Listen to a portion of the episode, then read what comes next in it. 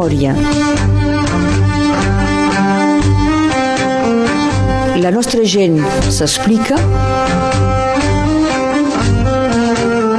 Berenguer Ballester. Soc a Colliure per a fer memòria amb un historiador, va néixer a Colliure, amb una història familiar, que és un bon exemple de l'àmbit transfronterer de la vida laboral, dels desplaçaments, de la gent de l'Alt Empordà i el Rosselló. Helena Iats, bon dia. Bon dia. I gràcies d'acollir-me a casa teua, aquí a Colliure. Bon, a una de les cases, eh? En tens una a Perpinyà i l'altra a Colliure. Sí, la de Perpinyà no és meu, eh? però Ah, no, aquesta, aquesta, aquesta és meva. Però t'hi estàs a Perpinyà, Sí, també, sí, eh? sí, Perquè treballes a, a Perpinyà. Sí.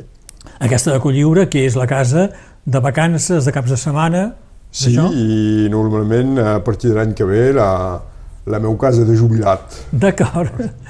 Quan et jubilis, t'instal·les a, a Colliure definitivament? Sí, sí, normalment és previst així i espero que es podrà fer així. D'acord. És una casa que hi ha una història familiar aquí, no? Sí, eh, és una casa que em va ser donada per la meva padrina i és una casa on havíem viscut els meus pares. Bueno, havíem Una padrina que no era pas la padrina. Sí, és una, això, no? això mateix, una padrina que no era de la família, una, Sí. una, una padrina que havia sigut la, la mestressa de, de, de, de, la, de la meva mare, és a dir, Sí. la, la, la meva mare i la, la seva criada. D'acord. I finalment, doncs, eh, el fill de la criada es va trobar amo de la casa. Molt bé.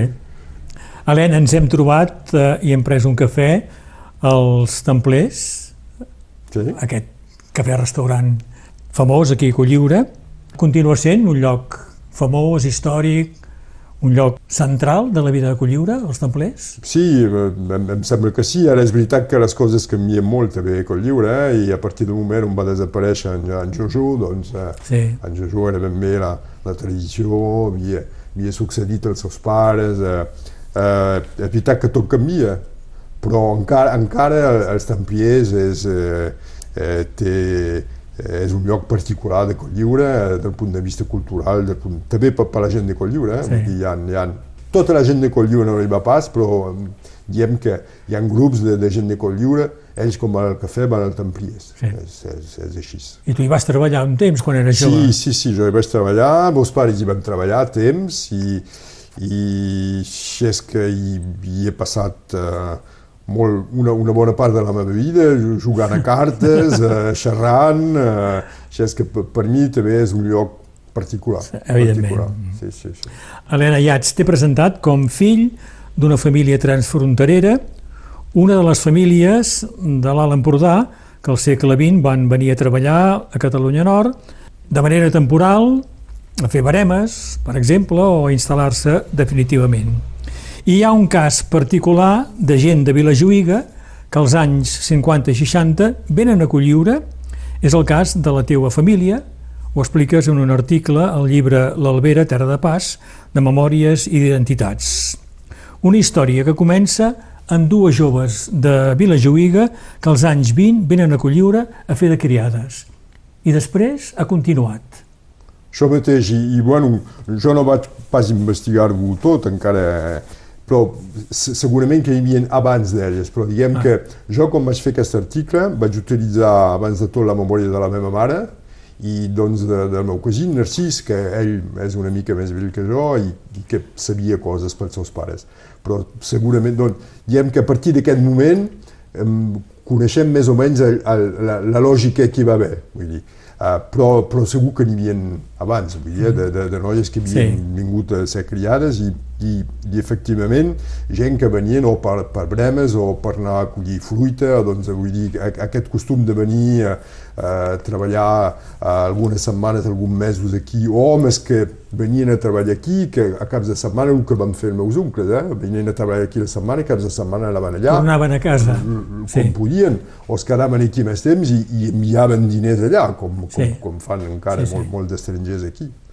Doncs, efectivament, el, el que és original és això, és que es van trobar a Cotlliure als anys 60 o 70, eh, molta gent de Vilajuïga. Que, Tu dius una que- trentena de persones Sí, sí, en total, crec en sí, aquesta sí, història. Sí, sí, i Sí. encara aquest moment, vull dir, eh, no, no, no coneixia pas totes les branques, vull dir, vam fer una espècie d'inventari a partir de la Sí. memòria de, de, de, de, de la meva mare i del meu cosí, però segur que ens en van escapar, eh? eh I la família del teu avi, del teu avi patern, ja havia vingut als anys 30 a Furques.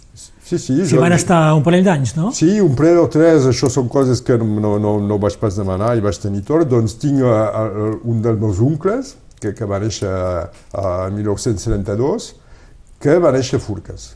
I uh, va ser publicat hi ha alguns anys una foto de, de, de l'escola de Furques i hi havia uh, uh, el meu pare i el meu oncle, Ah. doncs, que en aquell moment devien tenir ells, doncs això devia ser això, a principis dels anys 30, doncs hi havia el petit que venia de néixer, segur, va néixer el 32, i, i doncs el meu pare i el meu oncle, el meu pare que, que havia nascut el 23 i el meu oncle que havia nascut el 25, que són en aquesta foto, que són aquesta, i, i bueno, jo vaig descobrir que ells havien fet una foto a l'escola de, de, de, de, De Forques, Forques sí.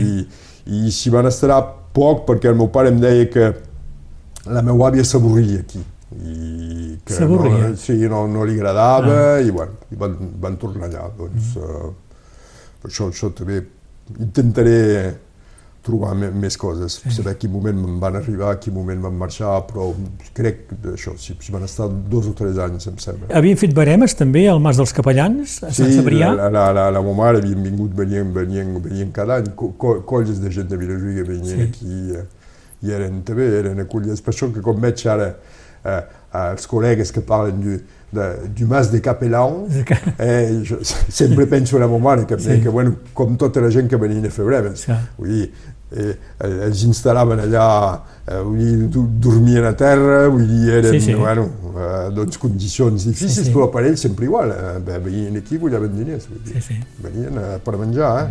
Quan jo en tenia quatre anys,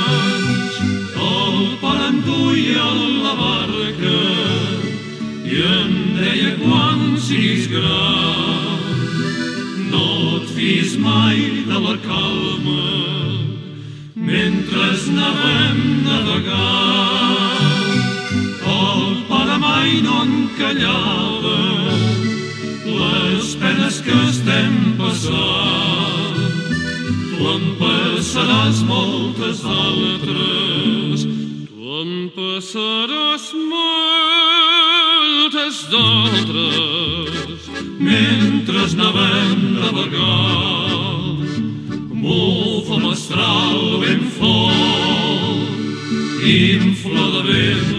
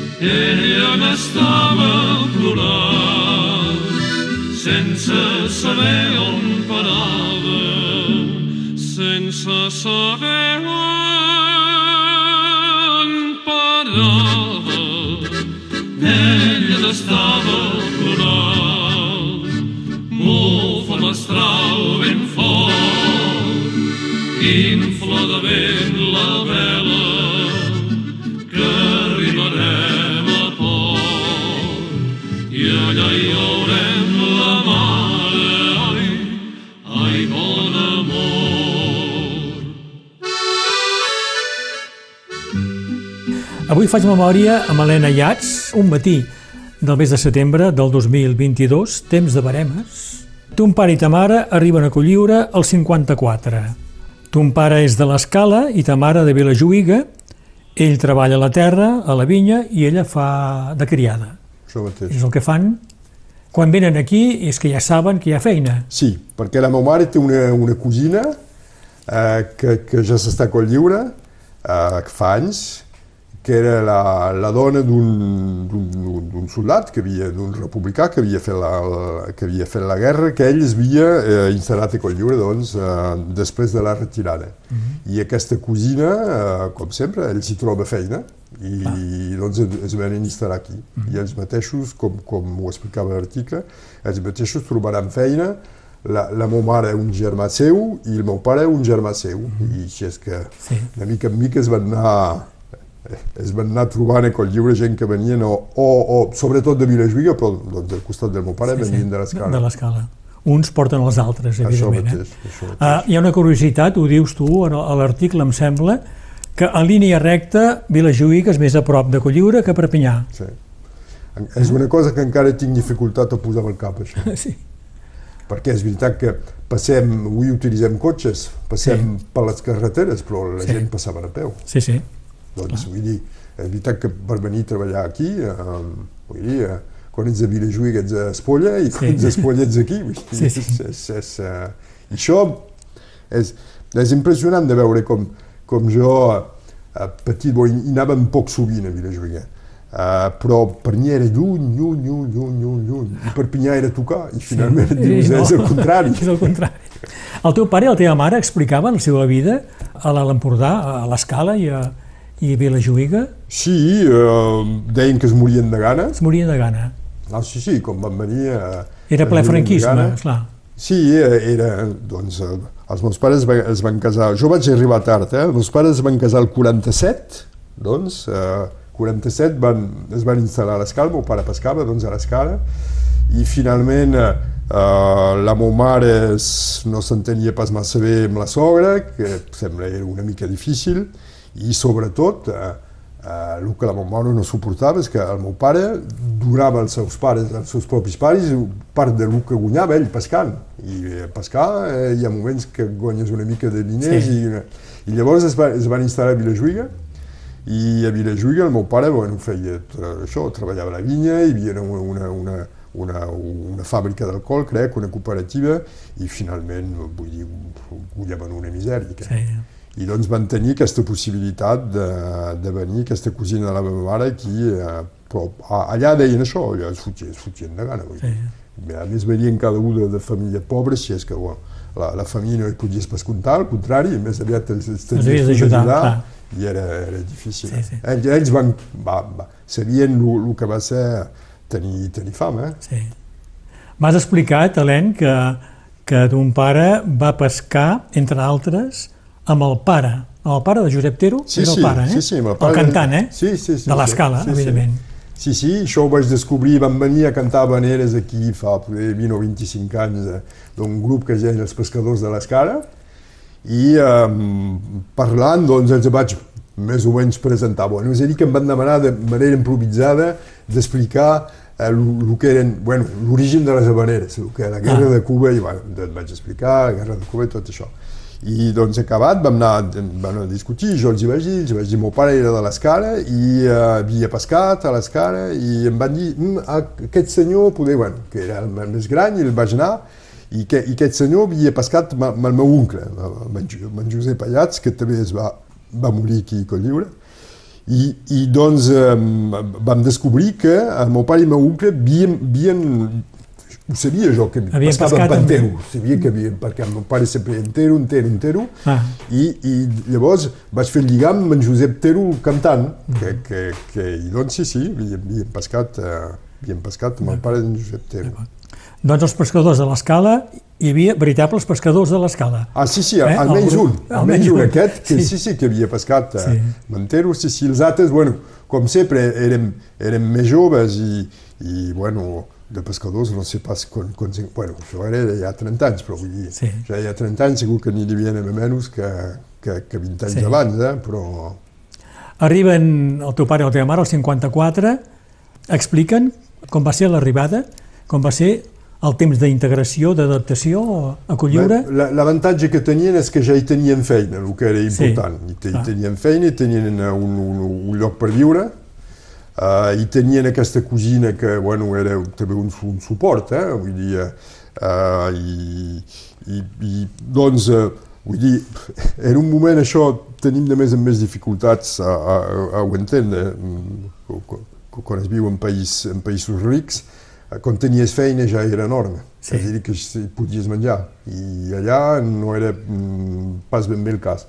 Doncs aquí la integració, l'avantatge que van tenir uh, per rapport com ara els andalusos és que es podien fer entendre, podien anar a n'importe quin lloc, hasta si parlaven un català diferent i que deien això són espanyols, vull dir, es, podia, es podien fer entendre. Uh, anaves a comprar pa, anaves a comprar carn, sí. vull dir, la gent entenia i doncs l'integració, i, i era un moment que a partir del moment on treballaves, vull dir, l'integració era, era facilitada. Sí. I, i això, això crec que avui, bueno, això és un altre tema, però avui els problemes d'integració són, són, són lligats al, al problema del treball. Mm. Hi ha gent que, que, que, que té dificultats a, a integrar perquè no té feina, i, però quan hi havia feina per tothom, sí. i, uh, ja està, treballaven i... Doncs quan arriben els anys 50, el teu pare i la teva mare aquí a Colliure, a Colliure la gent parla català, normalment al carrer. Ah, sí, sí, sí, sí, sí, sí, sí, sí, sí, sí, sí és, és un moment que la gent que s'està a Colliure és a, a, segur el 90% de Colliure i tothom, uh, tothom, tothom el, el parla, com a mínim l'entén, però encara són generacions que, que el parlen el sí, català, sí. sí, sí. I la teva mare, una riera, va trobar treball per son germà, que va venir a Colliure amb la dona i el fill, uh -huh. en Darcí Riera, doncs, uh -huh. el teu cosí, que serà mestre, sobretot a Bages i a Colliure, i home de rugbi.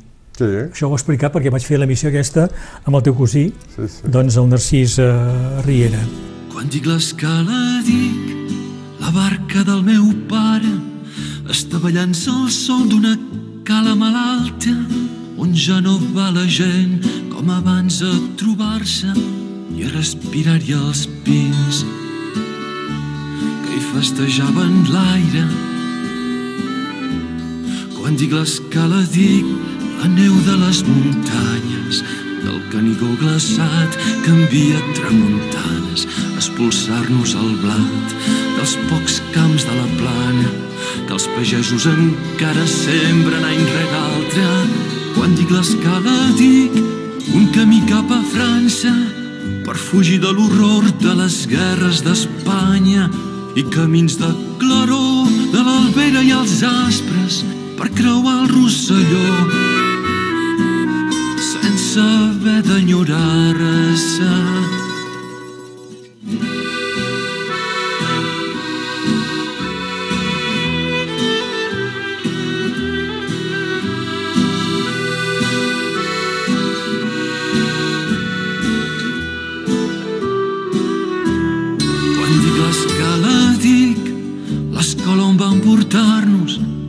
tenir por de capellans i alcaldes i de mestres vençuts obligats a ensenyar-nos d'escriure i de llegir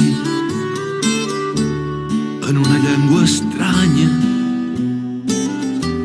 Quan dic l'escala dic els jocs de cada tarda i alguns jocs prohibits les tardes de dissabte. Empúries vora el mar, el cel ens ajudava a sortir de l'infern amb què sempre acabava el sermó del mossèn, robador de rialles, malson de moltes nits de tots els qui pregàvem per un món sense mals, ni guerres ni esclavatges, a una mare de Déu que poc ens escoltava. Memòria a Ràdio Arrels amb Berenguer Ballester. Helena Iats, som a casa seu aquí a, a Colliure. Tu neixes aquí a Colliure l'any 60. Sí, bueno, a, a Perpinyà, però... Sí, D'acord, sí. La sí, meva sí. mare fa una escapada a Perpinyà i... Creixes a, Sí. a Colliure, eh? Vas a escola a Colliure. Sí, escola primària a Colliure. I el català el tens de la família, suposi. Sí, sí, sí, el, els meus pares em parlaven català, bueno, em parlaven un català que no era un català literari, eh? però a més es, es va barrejar una mica amb el català d'aquí, amb el rossillonès, però ells sempre van parlar català, perquè els mestres els deien eh, heu de parlar francès i la meva mare deia però no el sabem el francès, doncs eh, val millor, vull dir, no, no em van pas parlar català per, per, per ideologia, per raó pràctica. Sí. Eh, doncs eh, és així que mm, finalment eh, a, casa sempre he parlat eh, català amb, amb els pares, eh? vull dir, no, no va passar, va, va ser així, mm. finalment eh, va ser una bona cosa, però I quin record tens de- d'aquell Colliure? Doncs neixes a l'any 60, què et queda de, del Colliure d'aquell temps? O em queda, em queda eh, els, els amics, eh, eh, jocs, com sempre, eh? jugàvem a futbol, jugàvem a rugby, sí, sí, Sí, sí. Al, al carrer, doncs jo, jo, és que vam canviar de lloc sovint, eh? doncs jo fins a, a l'edat de 11 anys vivia aquí, doncs el que diem la vila, Sí. i a partir de 11 anys eh, ens vam anar a instal·lar el que diu eh, les HLM, eh? doncs és a dir, eh, com, com, com, com indica el, el seu nom, eh, les HLM, però que eren noves i que no tenien res de, dels HLM de, de, de, que es poden trobar en algunes ciutats.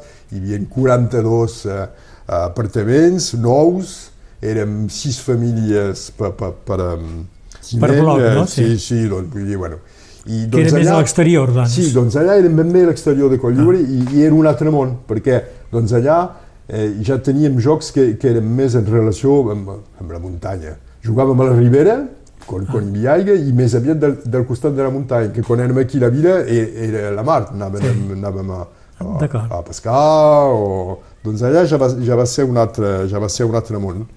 I doncs jo, mm, el que vam conèixer són els el principis d'aquest turisme de, de, de, de massa i a més eh, el port de Colliu el vam fer l'any 69, doncs és veritat que a partir del 69 doncs es van cremar totes les barques catalanes, la, la, la, la, les barques de, de pescar, es, es va fer port, ja, ja, ja va ser un tipus de, de, de turisme una mica diferent i sobretot eh, eh, pas, pas la fi de la pesca, però també un moment important, a partir del moment ben segur les barques els havien cremat, va, va, va ser diferent. Doncs ja, ja no era tant un, un poble de, de, de, de, de pescadors com era, com era abans. I, Es van cremar les barques perquè feien nosa. Perquè feien nosa, perquè feien port i feien nosa i bueno, Sí. hi havia con, con, con, concurrència de, de, dels pescadors de porvendres, eh, eh, tipus de pesca diferents, amb barques més grosses, on aquestes barques catalanes eh, no, no, no tenien utilitat o no, no tenien la mateixa rentabilitat. Perquè als anys 60 encara hi ha pescaires a Colliure. Sí, sí, Amb la barca. Sí, sí, sí, però i llavors hi ha això, hi ha, hi ha tots aquests fenòmens bons, que d'altres han estudiat, eh, eh, que, que, que són la concurrència de, de, dels pescadors de porvendes amb, amb, amb, amb barques Sí. molt, molt, molt més grosses, amb filats molt més Els grossos. peus negres que venen amb d'altres tècniques, no? més modernes, sí, no? Sí, I més rendibles, sí, també. Sí, sí, I, i, i això, i acostumats a pescar d'una altra manera, i aquí el fet que, bon, com sempre, eh, la possibilitat pels joves de Colliure de fer altra cosa, en fi, la possibilitat, l'oportunitat, això, eh? eh vull dir, tot, tot, tota aquesta gent que, eh, que anava a escola dels anys 60 o 70, tothom se'n anava de Colliure. Tothom, Sí. tothom treballava a les administracions, tothom se'n anava. Pescar, vull dir, pff, que, sí. que volies pescar. Hi havia poca possibilitat, guanyaves poc diners, doncs... El teu cosí, en Narcís Riera, explica el llibre que ha escrit, La Riera Madí, tot de records de, de Colliure. Tu ets 9 anys més jove que ell, mm. Ell és del 51, doncs, i tu del, del 60, i ell parla, eh, per exemple, dels focs de Sant Joan. I diu que eren viscuts amb molta passió, tant per la mainada com per la gent gran, i que oposaven dos sectors de Colliure, la vila i el port de Vall. Eh. Això ho has viscut també tu? Sí, sí, sí, ho he viscut. Ho he viscut. I com vam... Eh, doncs el 71 ens anem a estar als Eixalemes, a les Eixalemes, a les Eixalemes també fem el nostre foc. Doncs fèiem, fèiem un foc a les Eixalemes. A part de la vila i el A port part de de la Vall. vila i del Port de Vall, sí. i doncs hi havia, hi, havia, hi havia una concurrència enorme perquè es havien de trobar botes, eh? Sí. Eh, eh, El problema és aquest, eh? I doncs, bueno, i sí, sí, durant anys vam fer, vam fer foc, i després es devia, igual, eh? A partir del moment que va haver el plàstic que es va, que es va substituir a la fusta, Sí. vull dir, i el salaire, sobretot, eh, cada any hi havia... Sí, sí, em recordo de coses, havíem anat a buscar botes a, a un quilòmetre de, cap a un al cementeri, vull dir, Coll Lliure, a la Sí. zona industrial, havíem anat a buscar botes allà, amb, vull dir, era, són moments extraordinaris, doncs hi havia aquesta, aquesta concurrència. I un any en parlàvem, en parlàvem fa poc, vam anar, això no ho havíem pas de fer perquè era, era, era perillós i més, en aquest moment érem, érem adults, vam, vam anar a fer la- l'escallada a la Massana i es va escaure vam, vam, un, un 23 de juny i vam fer un, vam fer un foc al Sall Fort, vam, vam trobar, bueno, doncs, podia tenir 25 o 30 anys eh, a la colla, i vam fer un foc i es va veure de coll lliure, i, i dèiem, és que algú el veurà, és que algú... Sí, sí, es va veure de coll lliure. hasta vam fer un foc allà, que podia ser, bueno, si vam fer el foc suposo que és que no hi havia vent i que... Sí, sí, doncs això, el foc seria... Hi havia, hi hi havia una, una concurrència molt i molt forta eh, entre la, la vila i el Port de Vall, eh? L'escallada era quan els ramaders de l'Albera es reunien per reagrupar els ramats no? Sí. i controlar els vedells i, i Sí. controlar les esquelles. No? Sí, De les cada- collades, les esquelles, i els hi feien uh, prelevaments també, hi havia un veterinari que feia sí. prelevaments per veure si... Uh, sí, sí, i, i era t- també moments... Uh, Colliure e- era ben a prop de l'Albera, doncs, de la vida de l'Albera. Sí, és a dir que, bueno, això es feia perquè hi havia la gent del Rimau, la família Sí. Oms, la família Lleres, que tenien, Sí. que tenien les vaques, que cuidaven de les vaques, doncs finalment eh, eren, era la gent del Rimau que tenia Sí. més lligam. Ara, hi ha molta gent de Colliure que, que ve del Rimau, tenen cosins, Sí, tenen clar. oncles, tenen... Doncs, es feia per, perquè, D'acord. perquè estem allà, però els que, els que convidaven, els que convidaven eren la família Oms i la família Lleres. Bueno, convidaven. Doncs si eres convidat tenies, tenies un estatut particular. Sí. Ara si volies anar a l'escallada hi podies anar, ben segur. Sí. Però, clar, no, no, no, no feies pas per partida, di- diem, del grup. Doncs, I això és veritat que eren moments que recordaven que part de la gent de Coll Lliure, bé, també tenia a veure amb la muntanya. Que, que, que, Sí, que, sí, sí. amb els ramats, amb els animals, eh, perquè aquí Coll Lliure mai no he vist cap vaca, jo vull dir, eh? No.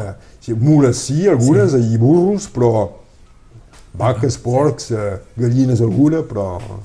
La Michelle Alleres m'havia explicat que havia fet blanqueta per un centenar de persones a l'escallada. Cada any, cada, Cada any, any. feia, mataven un vedell, Sí. mataven el vedell, eh, una de les primeres coses que es feien, eh, arribant a, a, els que arribaven el divendres del vespre i mataven el vedell, Sí. i sí, sí, i la Michelle... I l'endemà feia sí, sí, sí. la blanqueta. Ah, eren moments extraordinaris. Clar. Som i serem gent catalana, tant si es vol com si no es vol, que no hi ha terra més ufana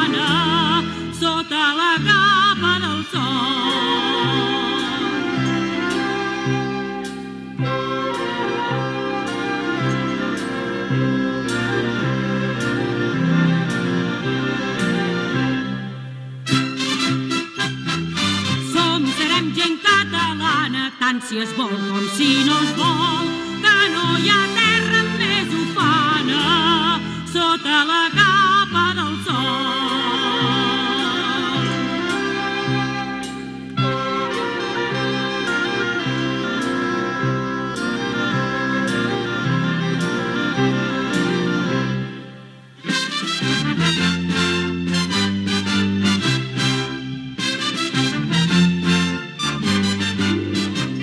Déu va passar-hi en primavera i tot cantava el seu pas.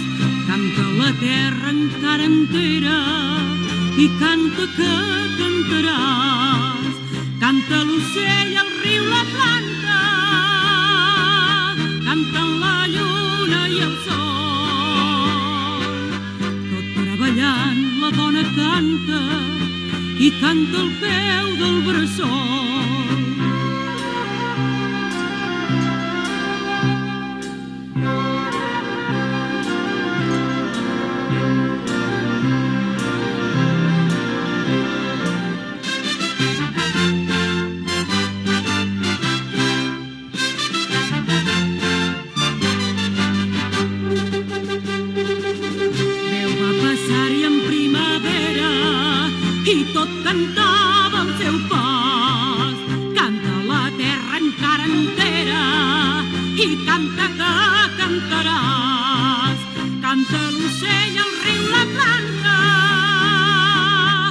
Canta la lluna i el sol.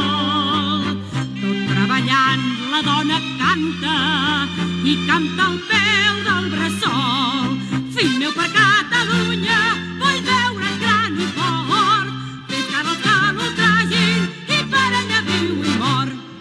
Helena Yats, Doncs Escola Colliure, col·legi per vendre's. Sí, I després Liceu a Saret, sí. Literari que fan sí, tots sí, els la gent de la costa, mainatges de... sí, sí, sí, sí. A, a, la, me- a la meva època, si eh, escollies una opció que no existia a Seret, podies anar a Perpinyà, però vull dir, Sí. el 95% de la gent de Colliure anava a Seret, anava, anava així. Ets doctor en Història, professor de Geografia i Història a, a Perpinyà, al Cormentenon. Com hi arribes a la història? De, de petit, petit, eh, em recordo eh, haver ser castigat a l'escola primària perquè mirava el meu llibre i hi havia eh, a, a en Cristóbal Colón que, que arribava, que posava el peu a, a, a, sobre el territori americà, em recordo d'això, em vaig fer castigar i per una, una, una mestressa encara, es viu encara que té 101 anys, Ah. una dona extraordinària, i eh, sempre em va interessar i quan era al col·legi tenia la germana d'un amic que, que tenia aquesta germana un parell d'anys més i, eh, i em va dir ah, tu vas aller au lycée uh, sí, eh, em va demanar si tenia una idea i vaig dir que no i ella em va explicar, en aquest moment devia ser no sé si era l'any del batxiller o l'any d'abans, em va explicar que ella volia intentar ser professora d'història Ah, em vaig dir, sí, va, pot ser una bona idea. I a partir d'aquest moment em vaig dir això. I és veritat que sempre he tingut professors eh, que em van interessar molt. Qui vas tenir? I, a, tenir deia Nicole Bruman, que era una dona extraordinària, i quan vaig ser a Seret vaig tenir dos anys en Ramon Sala, vaig tenir dos anys. I uh, va uh, ah, uh, si uh, tu vas a l'université, uh, uh, donne Alice uh, uh, mon bonjour. Mai no vaig usar, ben segur, perquè anar a trobar Ah, sí? Marcet... Ah, no, no, mai... No, Ah, no, no, no. Tenia... Perquè que imposava, vols Au. dir? Sí? Sí, sí, Ah. sí, sí, sí, sí. Molt, molt, sí, sí, era una, un personatge. Caràcter, eh? Sí, sí, sí.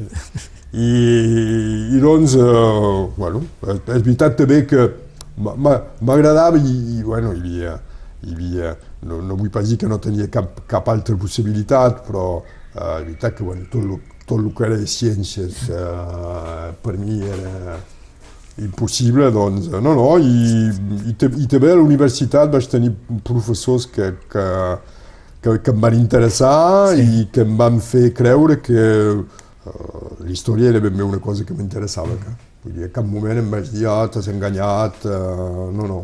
I com, com, com més anava, més és interessant, perquè crec que els estudis és, és això, és que com més, com més avances, més et trobes raons de- Sí. d'interessar. D'interessar-te, sí. Doncs estudies eh, Història a Perpinyà i després a Montpellier. Sí, Però abans has estat pion al Col·legi d'Argelers. sí, vuit, Mentre- anys, vuit, vuit- anys. vuit anys. Sí, sí, sí. Sí, bé, vaig ser doncs, del 78 al 83. Al 83 vaig anar a fer la mili a Montpellier i vaig tenir la sort, bueno, la sort perquè em van ajudar, perquè el director em va ajudar. Quan vaig sortir de, de la mili vaig tornar a Argelers i vaig fer 8 anys perquè 8 anys eren el màxim que podies fer, al cap de 8 anys ja no Ah. podies més. I doncs llavors eh, vaig fer un any de, de xomatge. I, I vas anar a Prada. I vaig anar a Prada. Com a professor ja, no? O pas Eh, encara? No, vaig començar a xerrar d'internat, mentre D'acord. d'internat. Va ser un moment difícil, perquè, bueno, era... Semblava que encara feia la mili, m'anava el dilluns eh, al migdia, tornava el dissabte a la tarda, Sí. era una mica complicat, però... A Prada vas al col·legi privat, no? Sí, Sant Josep. I finalment arribes a Perpinyà, al Cormentenon. Sí, perquè eh, a poc a poc doncs, a Prada treballo amb Daniel Rossinyol, Sí, que és el director. Sí, sí, que, i, i doncs eh, de mica en mica eh, em fa tenir hores de- d'ensenyament i eh, al cap de, cap de quatre anys tinc eh, doncs, hores d'ensenyament, eh, eh, en tinc nou a, a Prades i nou a Mentenon i, i l'any següent tinc 18 hores a Mentenon i a partir d'aquest moment eh, eh, seré Mentenon eh, doncs fins avui, encara, encara hi soc avui. Fa 31 anys 31 anys. Eh. i l'any que ve jubilat. Sí, normalment si no vols, sí. sí, sí.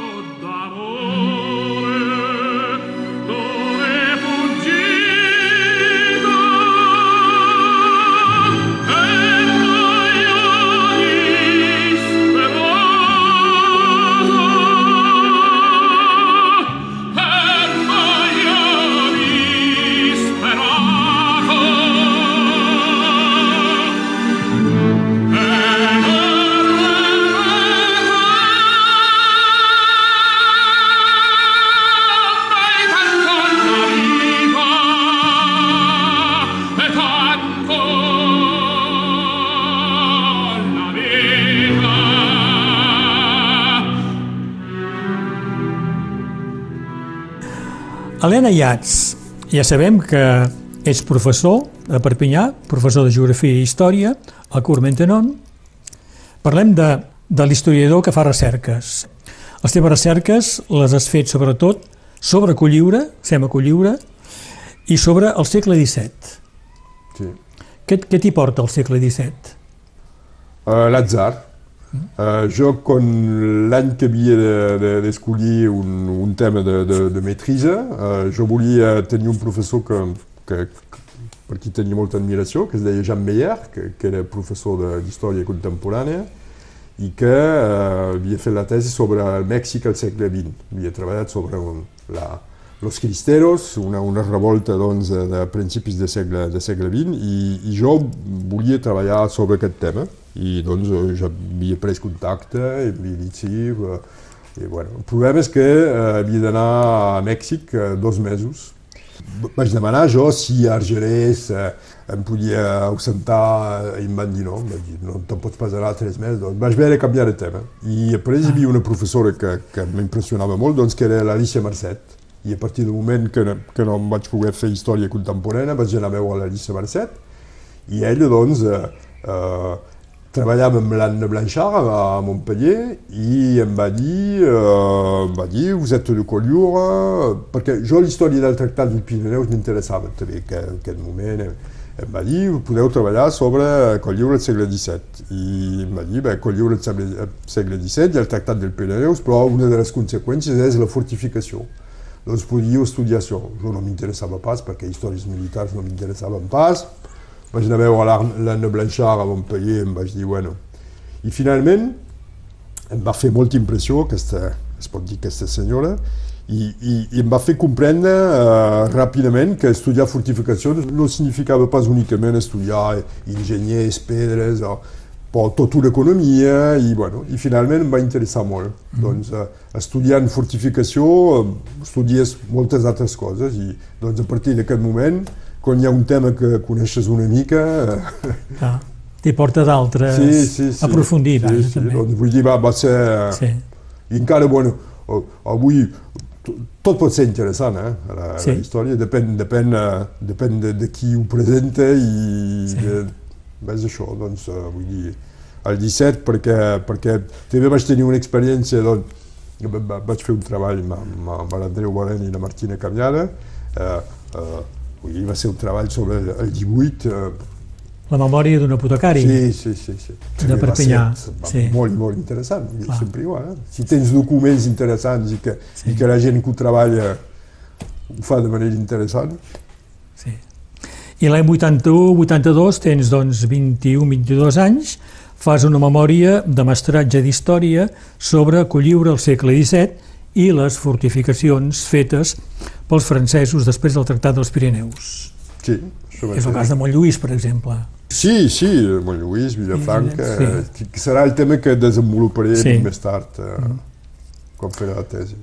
Els francesos fan fortificacions eh, per defensar-se i també per atacar, no? Sí, sí, és, és a dir que el, el problema... En previsió, vull dir. Sí, sí, sí, sí, sí. Doncs a Coll Lliure ho fan, eh, bueno, és, és el que vaig intentar demostrar eh, més tard a la tesi.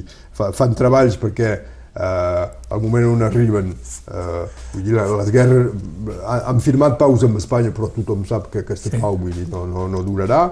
Eh, i doncs al cas de Coll Lliure s'instal·len sense saber si s'hi quedaran temps o no, perquè també ho poden canviar. Ells, ells no, no s'hi volien pas estar aquí, els francesos. El que els interessava era Flandes però mm, doncs, volien, volien guardar Rosselló, però esperaven que els espanyols eh, eh, que, Per negociar, sí, també, no? Sí, ne, ne, negociarien. Doncs és això, quan lliure fortifiquen, però finalment és el que dirà Vauban, era un lloc molt difícil de fortificar per, per, al segle XVII, perquè eh, l'artilleria té una portada molt més gran i, i és un clot, finalment, quan Sí. lliure i era, i era difícil. Doncs finalment eh, co- comencen a treballar sense massa convicció i, bueno, eh, la, la situació farà que, que s'hi quedaran, de, de, de, de la mateixa manera que es quedaran a tot Rosselló.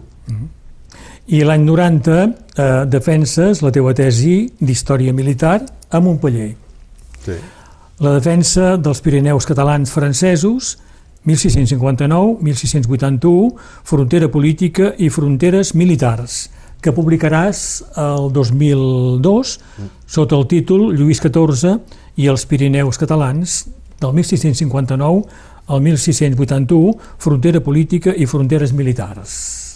Això mateix. Publicar una tesi, això fa goig, no?, per una persona. Ah, sí, sí, un- segur, sí, sí. No, no, clar, clar, perquè és veritat que sovint les tesis, bueno, eh, poca gent les llegeix i bon, vaig, tenir, vaig tenir sort que bon, el Trabucaire, que ja m'havien publicat eh, eh, un llibre, eh, van, van acceptar. Eh, a més, era, era eh, una operació una mica arriscada perquè és, és, és gros, eh? Sí. és un llibre que fa quasi 900 pàgines i doncs, bueno, final, finalment crec que les coses van anar bé perquè és, fa, és exaurit fa anys, però no, no, segur, segur, perquè quan, quan fas aquest treball d'historiador sem, sempre dius finalment a, a, a qui servirà o a què servirà i qui ho llegirà i a partir del moment que, que és publicat vull dir, bueno, eh, és, és, és, i a partir del moment on és publicat vol, vol, dir que també pot sortir d'aquí, de, del departament. Abans de publicar la tesi,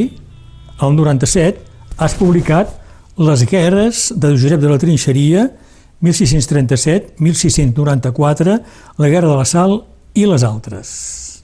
Sí, el primer llibre, això també eh, la primera vegada que veus el teu nom a la portada. Sí. sí, sí és, eh, Fa impressió, eh? Sí, M'ho ha dit sí, més d'un sí, escriptor, sí. això.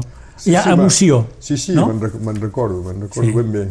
A més, era el dia 9 de setembre del, del 97 que, que el vaig veure, que el vaig descobrir, que era el meu sant, ja que em dic ara, D'acord.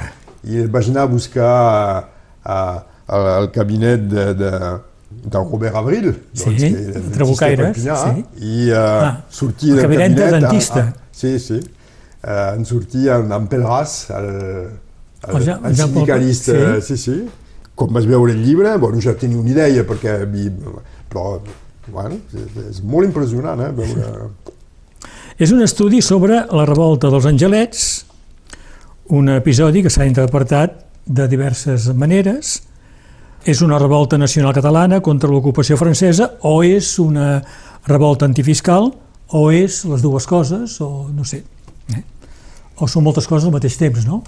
Sí, jo, jo crec sí, jo crec que sí. Bueno, encara avui, eh, 25 anys més tard, perquè va, va, vaig comptar que fa 25 anys que va sortir, em sembla que, que era ahir. Ah. Avui encara el debat existeix, vull dir, eh, encara que, bueno, també són coses que avui em fan una mica de pena, perquè crec que de debat, eh, com més va, menys n'hi ha, finalment, És veritat que el moment on va sortir, mm, bueno, es podia debatre, però el context avui és completament diferent. Bon, crec que Sí, sí, crec que, que era sobretot un, un moviment eh, antifiscal. Eh, el, el problema que tenim eh, és això, el problema de, de, de, de, del sentiment nacional. A partir de quin moment la gent tenen un sentiment nacional, què significa tenir un sentiment nacional? Això és molt i molt complicat. I a més, el problema de la història és que són coses que no es poden demostrar, es poden donar arguments, però llavors sí. tu davant de tal argument si pots dir sí, però bueno, segur, això tens raó, però jo penso que és problema de l'interpretació. Interpretació, clar. Interpretació. Els catalanistes et van criticar molt. Sí, sí, sí, encara. I encara. Perquè, és clar, Tenixeria és un heroi sí, sí. i els angelets són resistents. Sí, sí. I això, eh, vull dir, bueno, penso la mateixa cosa que hi ha 25 anys, o encara més, vull, podria anar més lluny, però vull dir, avui crec, crec que som a un moment on, on els mites són més importants que fa, que fa o 30 anys, perquè la gent llegeix menys o llegeix menys coses diferents, eh, hi ha menys objectivitat. I, i és veritat que la situació a Catalunya avui, eh, en fi, avui, fa alguns anys, fa, fe, fa que per la gent de més en més eh, eh, les coses han de ser o blanques o negres. I entre, entre mig no, no, no, no, hi ha, no hi ha lloc per res. I jo em sap greu perquè crec que la història ha de contribuir a, a fer que la gent sigui intel·ligent, que, que la gent pugui justament, ho veiem avui, la, la guerra a Ucraïna, bueno, eh, que, que en tenen de pensar la gent, eh, qui, qui són els bons, qui són els dolents, eh, eh, qui té avantatge, qui, i, i aquest, aquest sentit crític la gent ho té de men com, sí? com més va menys. I, I és això que, que a mi em fa pena. Perquè pots tenir, pots tenir, pots tenir conviccions, les conviccions sí. es respecten, però crec que hi ha d'haver una reflexió, hi ha d'haver arguments, hi ha d'haver... I avui tinc, tinc la impressió que, que la gent va, va seguint, va seguint idees, va, va seguint... Eh... Vols dir que abans, fa 30 o 40 anys, eh, la gent tenia més criteri? Ah, crec que sí. sí, sí, sí, crec que sí, crec que sí. Hi havia més argumentació i, i, i a més, bueno, ja 30 o 40 anys, vull dir, tot, tot això del catalanisme, el problema que hi havia és que la gent que havia conegut el franquisme o que havia conegut els anys després del franquisme, vull dir, hi havia, hi havia mm, lluites polítiques, vull dir, veritables lluites. Hi ha, hi ha gent que sabia el que era el franquisme i sabia, bueno... Uh, avui són espècies de, de, de, de de fantasmes, que vull dir, la gent, sí, uh, uh, soc per l'independència, no soc per l'independència, soc... I hi ha una història mitificada que, que em fa por. Crec que avui, més que hi ha 30 anys, la gent creuen que uh, Josep de la Trinxeria i els Angelets eren herois que defensaven uh, l'independència de Catalunya, que eren que, que, qui sé jo, eh, republicans o, o trotskistes, o, diu, són, són bojos, de, de, de, de, de, de què parlen? De, de, de, bueno, el que deies, perquè crec que abans de tot la gent no té elements de reflexió, perquè la gent no vol d'elements de reflexió. La gent li va bé així, té idees. Eh, i... Ah, parlant de Josep de la Trinxeria, crec que vas tenir relacions no, amb un descendent? Sí, sí, sí. Amb, que estava a Olot? Amb en Joaquim, sí, sí, sí. d'Olot. Sí. Un personatge extraordinari. Sí. Sí, i, i, va, i, va, i va, va voler que es fes aquest llibre justament per provocació, perquè doncs, ell era el representant local de, de, de, del PP, del, PP. del Partit Popular. I deia jo, jo em fa gràcia de ser el descendent d'un heroi manerat pels catalanistes i independentistes, jo que som monarquista perquè eren nobles, tot van ser noblits, i, i sí. ho feia per provocació. I, I el personatge extraordinari, extraordinari, perquè era efectivament del PP, era efectivament eh, monarquista, però... Espanyolista també, doncs? Espanyol, però com ho sí. deia, com, jo em, em va prendre molt, perquè em va dir, imagina, em va, em va dir, com va estallar la, la, la guerra, quina va ser la primera casa que van cremar a, a Olot? La casa del Cinxeria. Sí. I era, era... Era el monàrquic del poble. Clar, clar, clar, sí, sí. clar, clar. I doncs vull dir, hi havia aquesta espècie de lògica que feia que el Cinxeria eren monarquistes i de, després van ser, van ser franquistes, segur. Sí. sí vist, ha vist, te- eren emparentats amb la dona de- de- d'en Franco. Ah, Eh, d'acord. era, era, ell es deia Trinxeria Polo i la seva Ah. mare, doncs, era... Un Apolo, sí. sí. Sí, un Apolo. Home. Doncs hi, hi havia aquesta espècie... Li anava bé, suposo que li anava bé Sí. tot això, però hi havia eh, aquesta espècie de lògica que deia, bueno, tu el teu camí ja, ja, ja, ja, Sí, sí. ja, ja el tens aquí. Doncs era molt, molt, molt i molt interessant.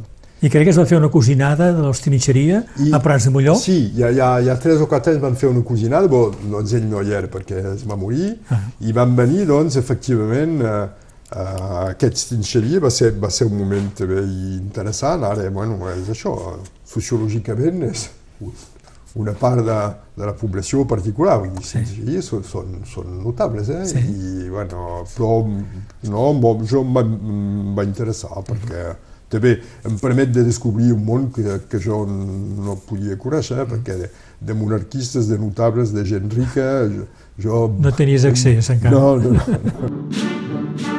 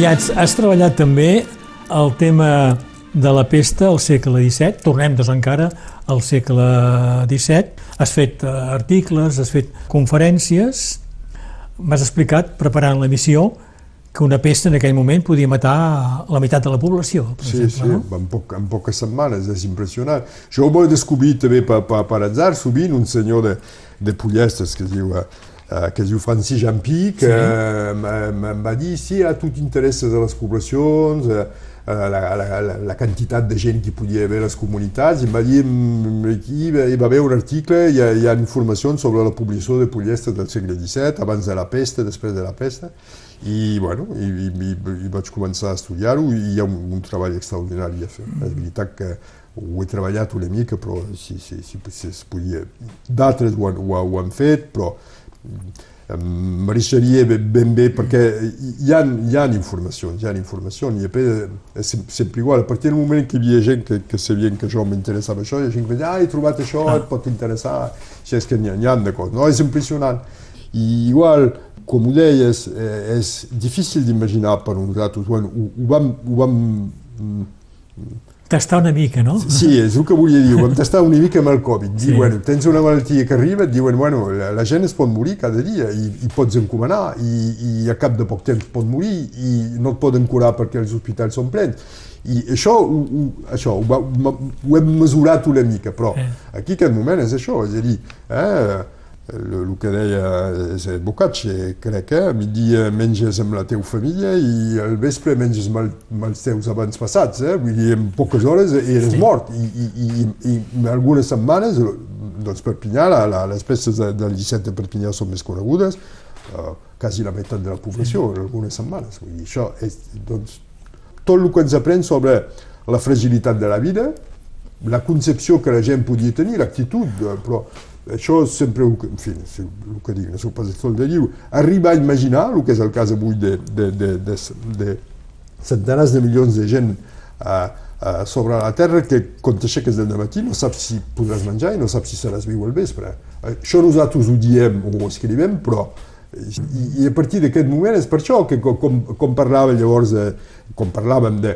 nacionalisme, de tot això, això, això també no es pot descuidar perquè entre una discussió entre dos intel·lectuals eh, sobre well, el nacionalisme, la nació, el sentiment, etc. I la, rea, i la realitat de la vida, de dir, bueno, avui és que podré menjar i és que seré viu, això no vol pas dir que no pots tenir cap idea sobre eh, la, la nació o que no pots tenir cap sentiment nacional, no, no és pas el que dic, però vull dir, crec que també és diferent eh? entre els que són farts i que saben que menjaran i els que tenen gana crec que també la, les nocions poden ser diferents poden ser, no dic pas són, però poden ser diferents Sobre aquest tema de la pesta al segle XVII, crec que vas consultar cròniques parroquials i civils, no? sí, sí, la, les memòries també de, de, de Sant Joan, de Sant Jaume eh, hi ha memòries coneguts de, bon, de, de, de, de, de contemporanis del segle XVII. eh. N'hi ha, n'hi ha, n'hi ha documents. Eh? Jo, jo, jo va- vaig llegir un article fet sobre Llançà, la pesta de Llançà al XVII, també es troben moltes i moltes coses, és a dir, hi, hi ha fons, eh? hi, ha, hi ha fons i és un fenomen... Eh? M'explicaves, Helene, que eh, amb el Covid nosaltres va haver-hi uns mesos que pràcticament no podíem sortir de casa, però amb la pesta al segle XVII, quan hi havia un infectat o una família infectada, els impedien sortir de casa, no? Sí, sí, ha, hi ha, Ta- Tapiaven la casa, vaja. Sí, sí, a, a, a Perpinyà expliquen, posaven barres de ferro que, que, tan, que tancaven les portes i la gent es tancaven a dintre. Es tancaven a dintre. Esperant que es morissin. Sí. Cal suposar que sí, perquè això deixa imaginar que no hi havia cap metge ni cap eh, cirurgià que hi podia entrar, perquè eh, si no havia de passar per la finestra, i és que hi ha gent que els hi portaven coses a menjar. Es pot imaginar, Sí, però sí. vull dir, la tonalitat d'aquests escrits, de- de- de- d'aquestes memòries, deixen imaginar que no, que la, la, la, la gent eh, i, i, i no els fotien foc a les cases o, o fotien foc eh, un cop es havien assegurat que la gent eren morts, però és això, vull dir... Eh, Abans parlaves del 50% de la població morta, és el cas de Perpinyà?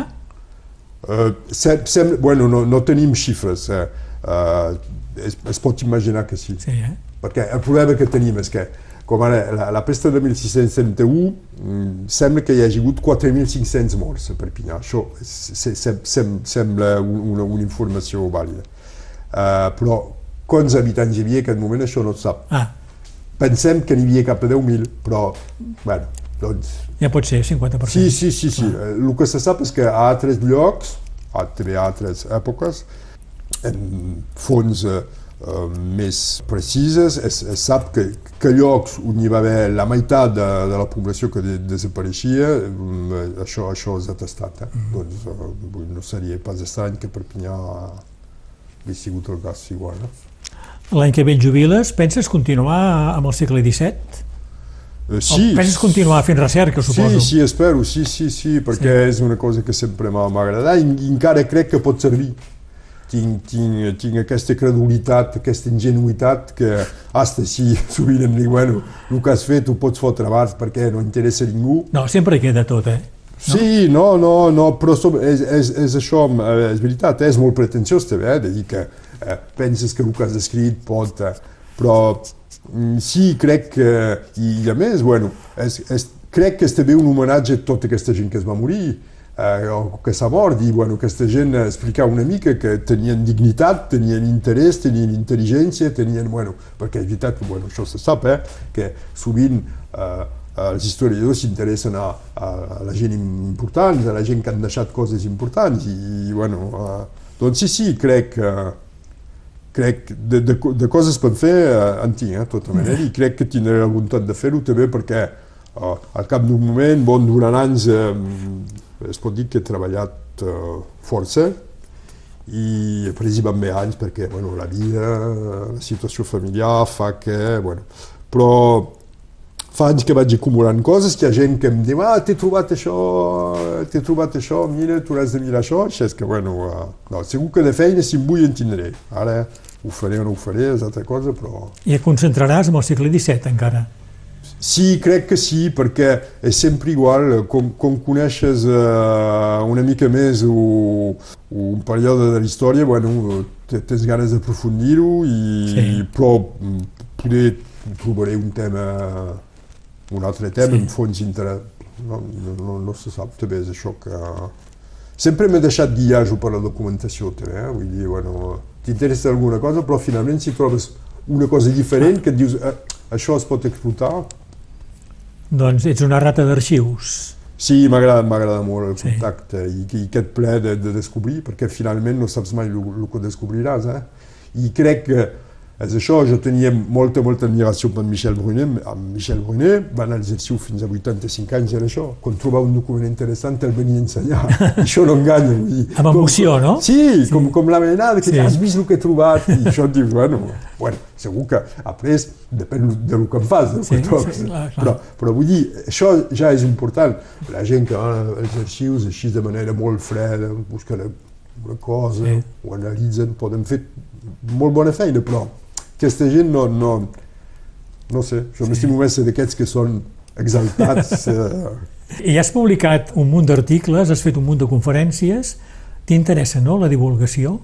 Ah, és fonamental, sí, mm. fonamental, perquè vull dir, eh, jo, jo com ara he fet alguna conferència el lliure, per mi el ple el més important, o pres de millor era igual, era de, de, de, de veure, assistir a aquestes conferències gent que no va mai a les conferències perquè conferències se, se sap, vas a un poble, tens el metge, el farmacèutic que ve, el, el professor... Bueno. Però la història interessa la gent, no? Sí, però sovint la gent té por d'anar a conferències, perquè diu, ja, ja serà, ja em trobarem gent, em trobarem el metge, bueno, que som gent que són diferent, el nivell de, de, de, eh, de llengua serà elevat, eh, les referències eh, científiques poder no els tinc i la gent no gosa anar-hi. I, I el que és interessant és això, és que a, a el llibre Pres de Molló, com, com es veu, com finalment hi ha un, una vulgarització, diguem, un excés que, que s'obre gent així, i finalment, eh, per, per què és extraordinari? Perquè sovint eh, eh, el, el, el tema de la conferència es parla de gent que, que, que, que són la gent que són aquí i és d'ells que es parla sovint. Sí, sí. Que, que si parla de, de, de, dels pescadors de Colliure o dels vaquers de Pres de Molló, eh, parles de, de, de, de gent que representaven la, una bona part de la població, sí, doncs sí. és... és uh, no, no, per, per mi la divulgació és important, i a més perquè és això, crec que és un, un, un deure, finalment, de, de, de, de ciutadà, que, uh, i també poders de formació professional, d'haver ser d'haver sigut professor, de dir, bueno, s'ha de transmetre, s'ha... Ara l'impacte que té no ho saps, però dius, almenys he intentat fer-ho.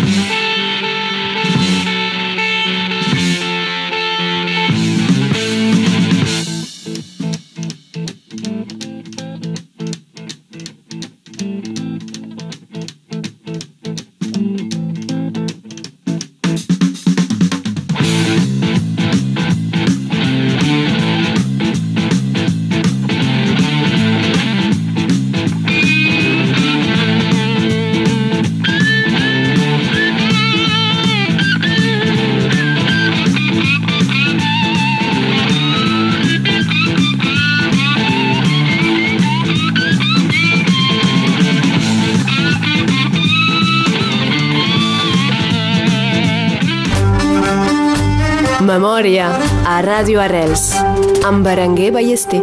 Helena Iats, t'he demanat músiques Sí. per acompanyar tot el que has explicat i m'has parlat primer de veneres. Ja n'hem parlat un poc de veneres, Sí.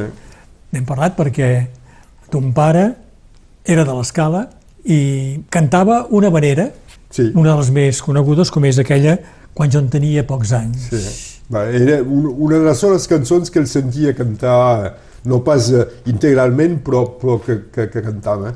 I és veritat que quan, quan jo era petit que cantava això, no sabia el que eren habaneres, perquè no, no m'ho explicava pas. Ell just em deia que una cançó que coneixia, que havia sentit, i quan vaig descobrir el que eren les habaneres, que vaig descobrir aquesta, i que vaig descobrir que vaig sentir gent de l'escala que les cantaven, és veritat que, bueno, em vaig dir, és, és, uh, era un, un heretatge cultural. Eh, a més que jo tinc un problema particular amb les habaneres, és que quan, quan la gent d'aquí canten habaneres, eh, bueno, em tapo les orelles, perquè que algú de Coll Lliure de Sant Cebrià canti el meu avi va anar a Cuba, Es pot perdonar també, no? No, clar, clar. No, però una vegada més que la gent tingui consciència d'això. Sí. Que algú de Coll Lliure digui canto habaneres perquè és un patrimoni familiar, no. Que diguis canto habaneres perquè sóc català o que diguis com jo perquè jo tenia abans passats que venien de l'Empordà o de... Bueno, però que la gent sigui conscient d'això. Com, no n'hem parlat, però eh, fer castells, tothom pot fer castells, has ets anglès o escocès o pots fer castells, però que diguis jo faig castells perquè els meus avis feien castells, no, No. Si, tu, si tu ets d'aquí no feies pas castells. Evidentment. Sabem que ton pare era pescaire. Sí, sí, No crec pas que cantessin habaneres, no, els pescaires? no, no ho puc pas dir, això, no, ho sé pas. No sé quin moment es va començar a desenvolupar, Sí. perquè es sap a quin moment em van arribar, bueno, van Sí. arribar, es coneix el gira, és que cantaven, això no ho sé. Una altra cançó que m'has demanat, aquesta per ta mare, que també la cantava, la Santa Espina. Sí. Li agradava molt ballar, cantava molt malament, però ballar li agradava molt i feia, feia, feia partir d'aquesta generació, ben segur que quan era a Vilajuïga... Ballar sardanes? Sí, sí, ballar sardanes, sempre ballaven sí. sardanes. Eh? I aquí, com, com van arribar aquí, se començaven a ballar també perquè, bueno, el que es diu, era, era un, un, un de Vilajuïga. Eh, eh, en Jaume Riera, que, que, doncs, que havia fet la guerra d'Espanya, que, es, que, es va, que es va instal·lar aquí, que, que va introduir, van ser dos o tres eh, catalans del sud, diem, Sí. que van introduir sardanes. Doncs aquí, els els meus pares també ballaven sardanes aquí, i aquesta sempre, la, la meva mare cantava. Molt i molt malament, però cantava. I després m'has demanat un pas doble, Sí, el famós Paquito Chocolatero. sí, perquè era, era el timbre de la, del telèfon de- d'en Josep Dunyac, De Prats. de Prats, i... Ah, sí? Ho tenia al Sí, telèfon? sí, ho tenia al telèfon. I, va, i, i, El vas conèixer bé, no? Fora... El Josep Dunyac? Sí, Sí. sí. Mm, m'hagués agradat conèixer més, però un... molta, molta emoció. Una autèntica memòria de Prats de Molló, Sí, no? sí. sí. I ZZ Top, o Zizi Top, com Sí, vulguis. això el, el, meu, el meu jovent Sí. eh, tocava una mica de, de guitarra baixa quan era jove i, i bueno, és eh, aquesta època dels anys 80. Un, Vas tocar amb algun grup? Sí, aquí a Coll Lliure, D'acord. tocàvem amb amics. Com us dèieu? Black Tees. Black Tees. Sí, que doncs en anglès eh, dents negres, però ho Va. vam, ho vam deformar, ho vam, ho vam afrancesar, diem. I què tocàveu? Oh, fèiem, fèiem composicions. Ah. Sí, sí, sí. Com sonava el grup, vull dir? Era, era, deien que era rock progressif. Ah, d'acord. Era inspiració una mica de, bon, uh, uh, Queen, Yes, coses així, bueno, un nivell Genesis, és el que escoltàvem a l'època, Ah. bueno, un nivell... Però fèiem coses interessants, eh? havíem fet algun concert a Perpinyà. Carai. Sí, sí, sí, no, no, va- van ser anys també de, bueno, anys particulars. I tu amb el baix elèctric, doncs? Sí, sí, sí, Ah. sí, sí. Ho feies bé? Vull dir, podies tenir un futur musical? Sí, sí, sí. So, to, sobretot tenim un guitarrista que era excepcional i l'altre guitarrista que ara és contrabaixista, que encara toca, s'està aquí, eh? bueno, s'està al departament, Qui que és? encara toca, es diu François Pousse. Ah, I toca, mm, fa jazz, fa una mica de tot. Ell, ell ha, ha seguit tocant. Jo el problema és que vaig passar molt de temps a fer història i és veritat que no vaig trobar prou, prou, però és un regret molt important. Dic sovint, sort que he fet força història i que he tingut molta satisfacció perquè ser músic em hagués agradat. Ara no sé si hagués pogut tenir un nivell Ah. molt elevat, però és, sí, sí. Perquè vas començar aviat amb això de, 16 de la anys música? Ah. 16 anys. 16 anys. T'hi vas posar als 16 anys a tocar el baix? Sí, sí. Ah. I ho vam fer... És tard, no? Per... Sí, però... Sí, sí, Com no, abans tenia una mica... No, no, no és un, un que va tenir un, un de, un de la colla que va tenir l'idea, que va comprar una guitarra, que va començar a tocar i... Falta un baix. Eh, I sí, sí, això mateix. d'acord. I, bueno, I una altra música, eh, un moment de la Tosca de Puccini. sí, perquè és un, un, un aire que tothom coneix, però Sí. que el trobo guapo i sempre igual et diuen eh, quines són les músiques que estimes eh, si pots buscar l'originalitat i si vaig, vaig a buscar una cosa que ningú no coneix diran uh, és savi aquest, aquest, aquest senyor tam... Es vol fer savi. sí, sí. I, no, m'emociona, doncs, eh, vull dir, voilà, són, coses que eh, ho escolto sovint i doncs, eh, E Luceva le stelle, sí, eh? sí, sí, de la. Tosca. Sí, sí. Helena, ja ets molt content que m'hagis acollit a casa teu, aquí a Colliure, al, al vell Colliure, eh, Sem? Que m'hagis acceptat fer memòria i que hagis explicat tantes coses interessants. Molt content. Gràcies. Molt content. Gràcies a tu i el primer cop que vaig veure el teu nom era estudiant jo. Ah, sí? Vaig, vaig, vaig anar a menjar al restaurant universitari. Hi havia cartells que parlaven de, D'acord, de Mringuet. de Bringuet, això mateix. ja me recordi, deurien ser l'any 86. Sí, sí és això. entès, entès Sí, sí, 86. Sí, sí, sí. Helena Llats, moltes gràcies Gràcies a tu. i bon dia. Bon dia.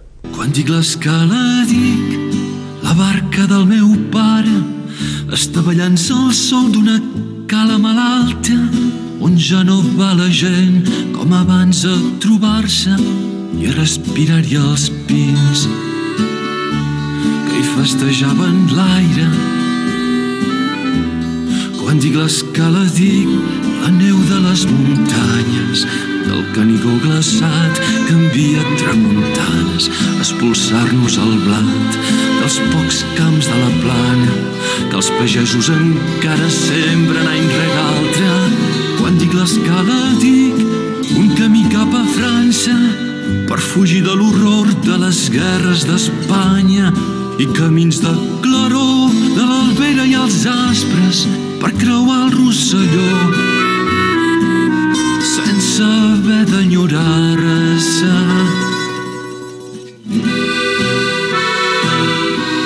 En aquesta segona part de la memòria amb Helena Iats hem escoltat el pas doble Paquito Chocolatero i La granja amb Sisi Top que ell ha volgut.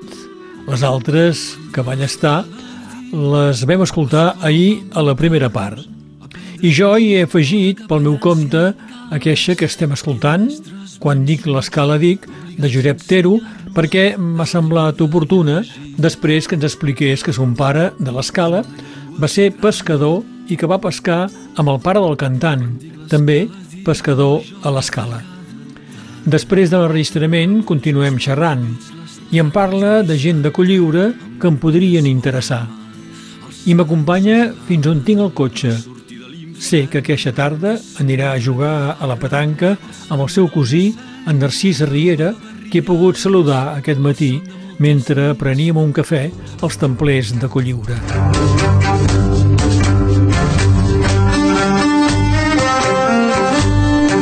Memòria.